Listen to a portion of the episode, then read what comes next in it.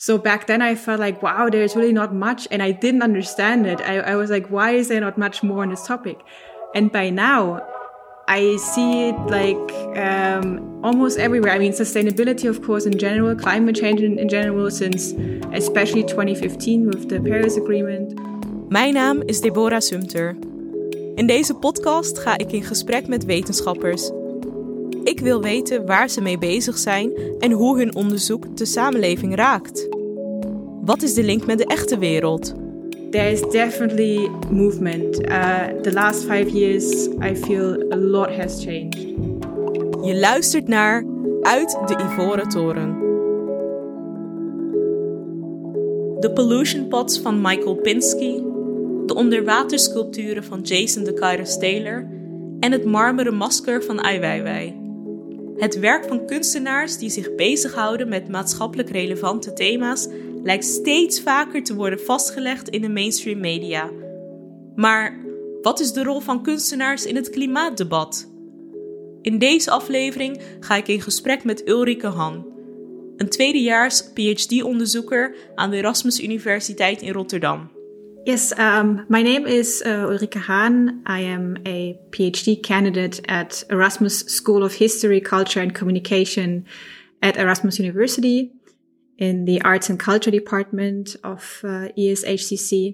Ik spreek haar over het onderzoek dat ze doet naar kunst en klimaatverandering. Zijn kunstenaars en klimaat een goede combi? En kunnen kunstenaars wetenschappers helpen de dringende boodschap rondom onder andere klimaatverandering over te brengen? And I'm researching visual arts connected to climate change. Uh, meaning how are visual artists addressing climate related topics and what impact uh, they may have.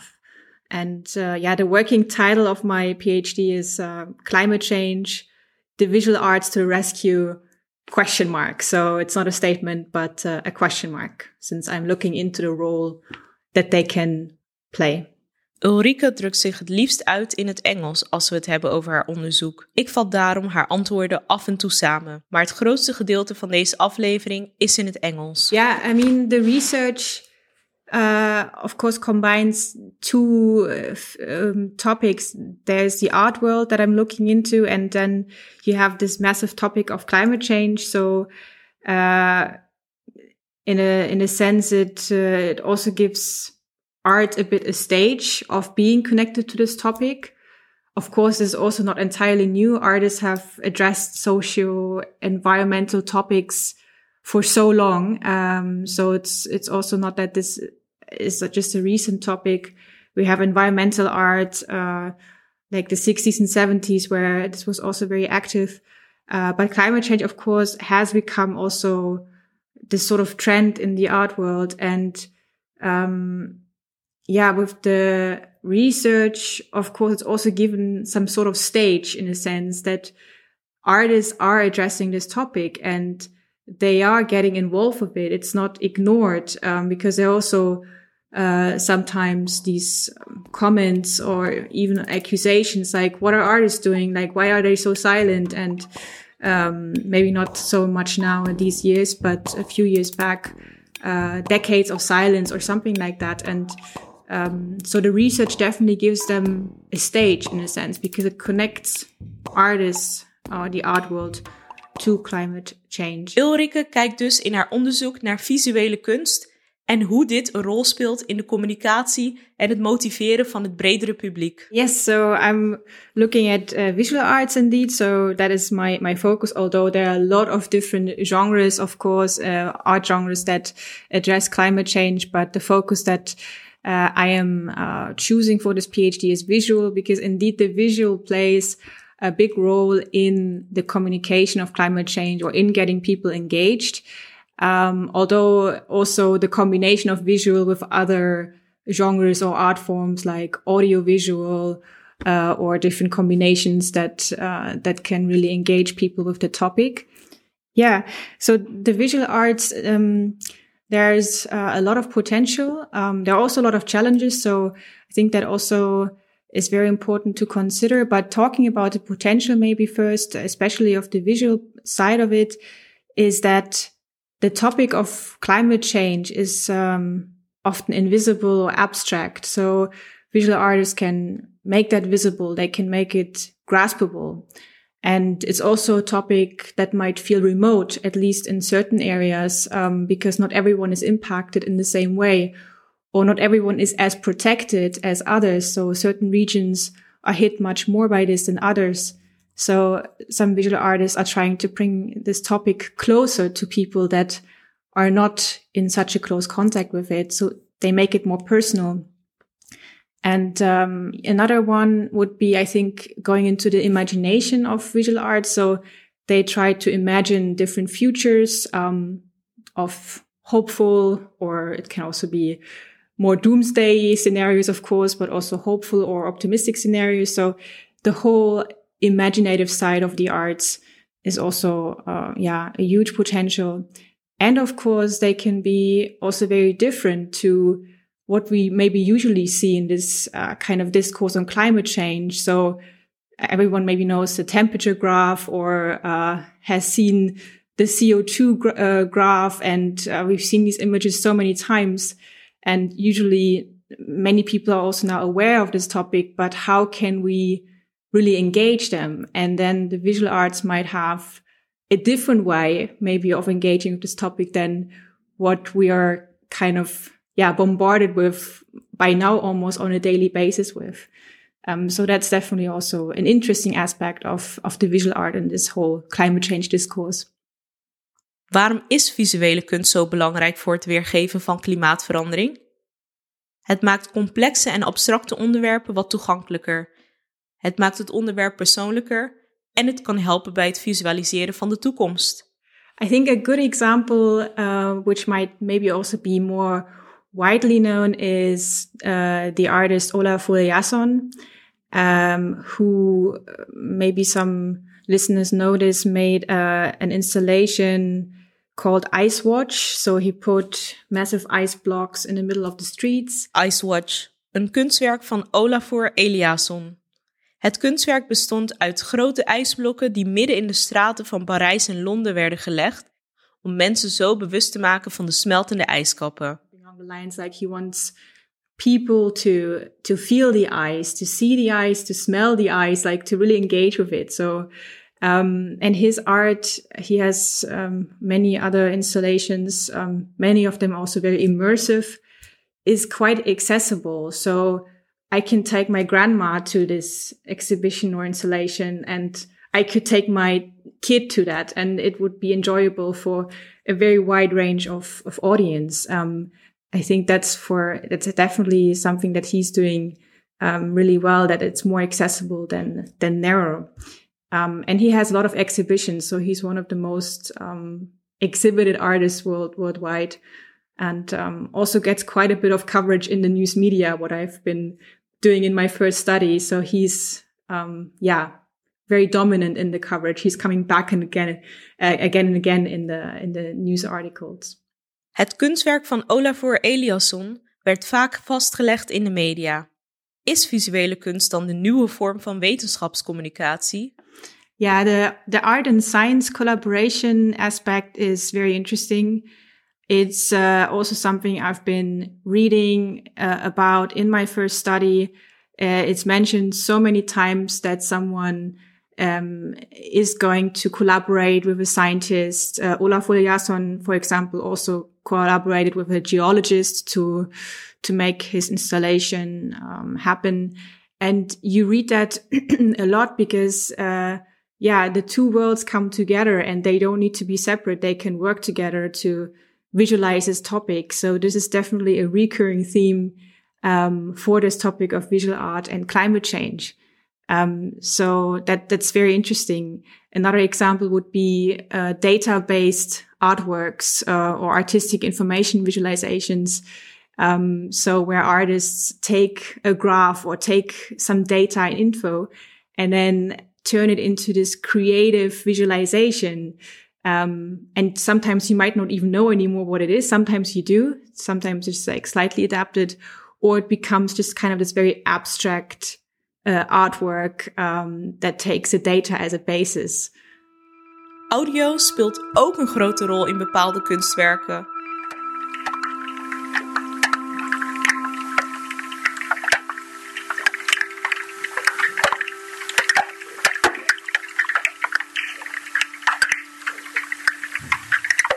Yeah, the the audio part. Um, well, the first thing that came to my mind now was in relation to visual art or, or art was these kind of artists that use audio visual um, methods to bring the the topic across. So. Uh, some artist that comes to my mind now is um, Katie Paterson, who um, made an installation. I think it's called Archive of Fetnai. I'm not sure how to pronounce it.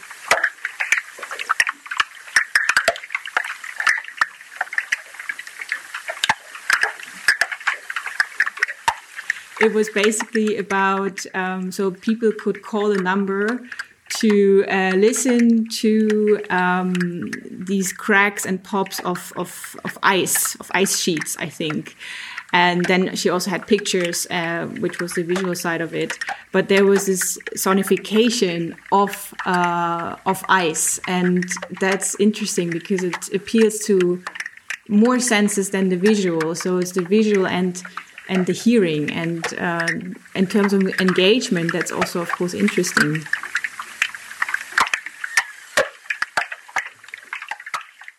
Kunstenaars die klimaatverandering vastleggen ondervinden ook wat uitdagingen. Zo is het de vraag of kunstenaars met hun werk diegenen kunnen bereiken die nog niet zoveel van het onderwerp afweten en zo kunnen bijdragen aan structurele verandering. Ook is het uitdagend om een complex onderwerp zoals klimaatverandering op een simpele, hoopgevende en niet te belerende manier vast te leggen. Daarnaast is het risico dat kunst gebruikt zal worden om politieke belangen te gaan behartigen. There are certain artists um, that are activists. So we have activist artists that are really very explicitly um, voicing that change is needed and uh, they make that also part of their artwork. Uh, so there's a very action driven agenda there.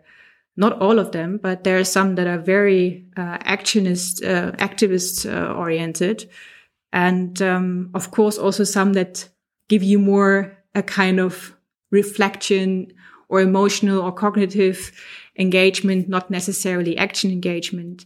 Because the thing with art is like in other spheres, uh, in politics or, or somewhere, you want people, you want to get engagement in terms of action behavior, right? So it's really always not only knowing and caring about the topic, but really action. And in the art world, I mean, that's definitely one way of doing it, but you also have the art itself. So it's, you cannot demand from artists to, um, to be activist or action oriented because they can do it in also very different ways and reflection oriented ways or just make it about the art, about the aesthetic experience um, because after all, it's art. It has, uh, yeah, it shouldn't be a tool also for um, just engaging with this topic in in in one way. So that's also uh, the challenges that uh, that come with it. That you can't really make art address it in a certain way just because it might be action oriented or something. It's there's so many different ways, and I think yeah, that's maybe also a contribution that I want to make is to show also the diversity, um, the potential, but also the challenges that come with this whole uh, endeavor, this combination. Het onderzoek van Ulrike naar de rol van kunst en kunstenaars in het klimaatdebat is vernieuwend.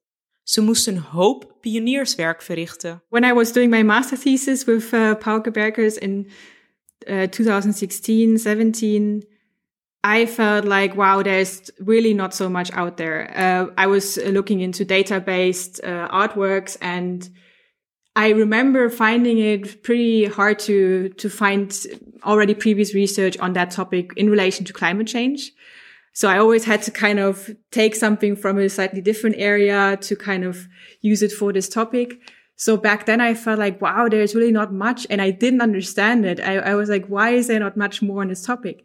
And by now I see it like, um, almost everywhere. I mean, sustainability, of course, in general, climate change in, in general, since especially 2015 with the Paris Agreement and the sustainability goals. But also, uh, I see more the connection of art and culture in relation to sustainability in forms of conferences, uh, also in form of research um, papers. So now we just were approached by someone who wants to do a follow up study on a study we did back then. So there is definitely movement. Uh, the last five years, I feel a lot has changed. Uh, so I think we were the first one that um, the first one that combined these topics, uh, these particular topics of climate change, and then data and art, or among the first ones. And uh, yeah, the sample was very small, so uh, it cannot be generalized, uh, which is why I'm very happy that now I know that there are some people who follow up on this study and also want to maybe even go on a quantitative um, um, direction or yeah, just follow up on this study to explore this a bit more. Um, which yeah, I'm also very curious to hear about what uh, what will come out of that. Er zit dus beweging in de communicatie en de vorm van de boodschap ontwikkelt zich. Um, a topic that is very recurring is ice. So ice sheets. Um, so the, the color blue, white.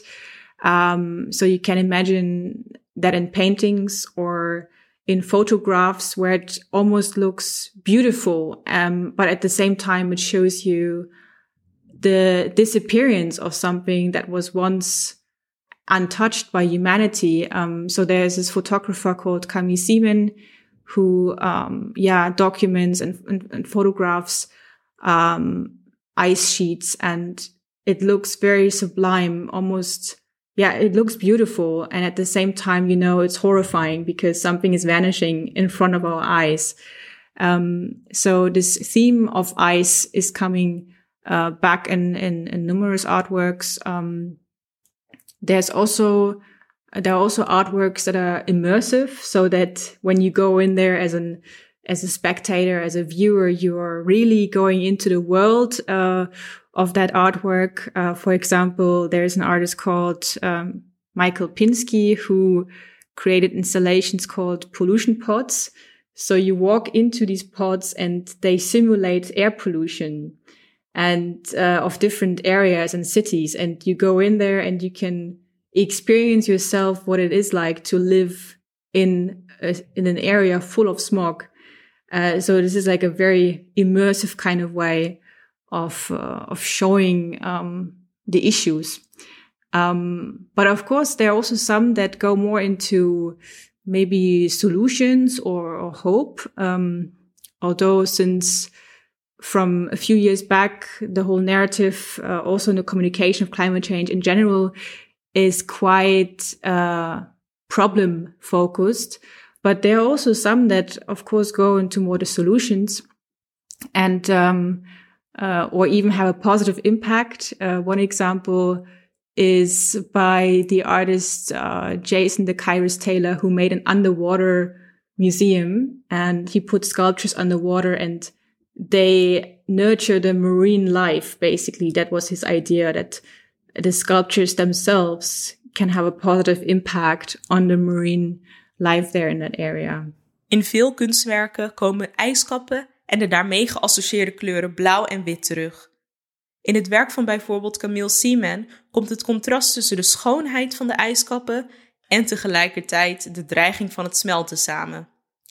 Maar er zijn ook steeds meer kunstwerken die het publiek de gevolgen van de klimaatverandering doen ervaren zoals de pollution pots van Michael Pinsky, waarin je kunt ervaren hoe het is om in een omgeving met veel smog te wonen. Tot slot zijn er kunstwerken zoals het Onderwatermuseum met sculpturen van Jason de Kairos Taylor die meer oplossingsgericht zijn. Ik ben benieuwd wat de academische wereld kan leren van de kunstwereld als het gaat om het visualiseren van zo'n complex onderwerp zoals klimaatverandering. I think there good components in in on both sides. Um, so I'm not entirely sure how how they can learn, maybe work together. I, I feel like this whole collaborative aspect. I mean, not only artists and scientists, um, but also artists and, and, and public engagement, artists, academia. Um, I feel there is so much potential for collaboration, um, like this project from uh, accelerating circular economy in, in Zuid-Holland, um, where you can just combine different ways. And I think that's really the magic of it, that you don't stick maybe only with one way, although the academic way or the scientific way is so important. I, I think it should, yeah, it stands on its own. Um, and then you have the artistic angle, uh, or combination of both and they go hand in hand. Um, so I think that collaboration has a lot of potential to, uh, yeah, to extend that. Yeah, I think is super in, uh, important to, um, go also beyond the academic, uh, circle. Um, so I feel like this is one of the, the yeah, opportunities really of using, I mean, the blog would be one example, podcasts like this one, uh, different visualizations like cartoons, um, but also, I guess, talking to anyone that you meet, like, you know, usually the question is, so what are you doing? And then when I start talking about this topic, usually people are like, oh, really? Like this combination? That's so interesting. And what does that mean? And, and why are you doing that? And then you get talking about it um, and just in everyday life and with anyone. And that's also really interesting to see how how people react to this topic and what they know about it and how they feel about it. Um, yeah. Kunstenaars en wetenschappers kunnen dus zeker wat van elkaar leren. Ook is het van belang voor wetenschappers om meer buiten hun academische cirkel te treden. Ulrike doet dit middels een blog waarin ze haar leven als kunstenares en onderzoeker vastlegt. Ze noemt daarnaast een aantal andere manieren, zoals het meedoen aan een podcast en het maken van cartoons. Ook door met anderen over haar werk te praten vindt er veel kennisuitwisseling plaats. Ik vraag tot slot wat Ulrike's call to action is.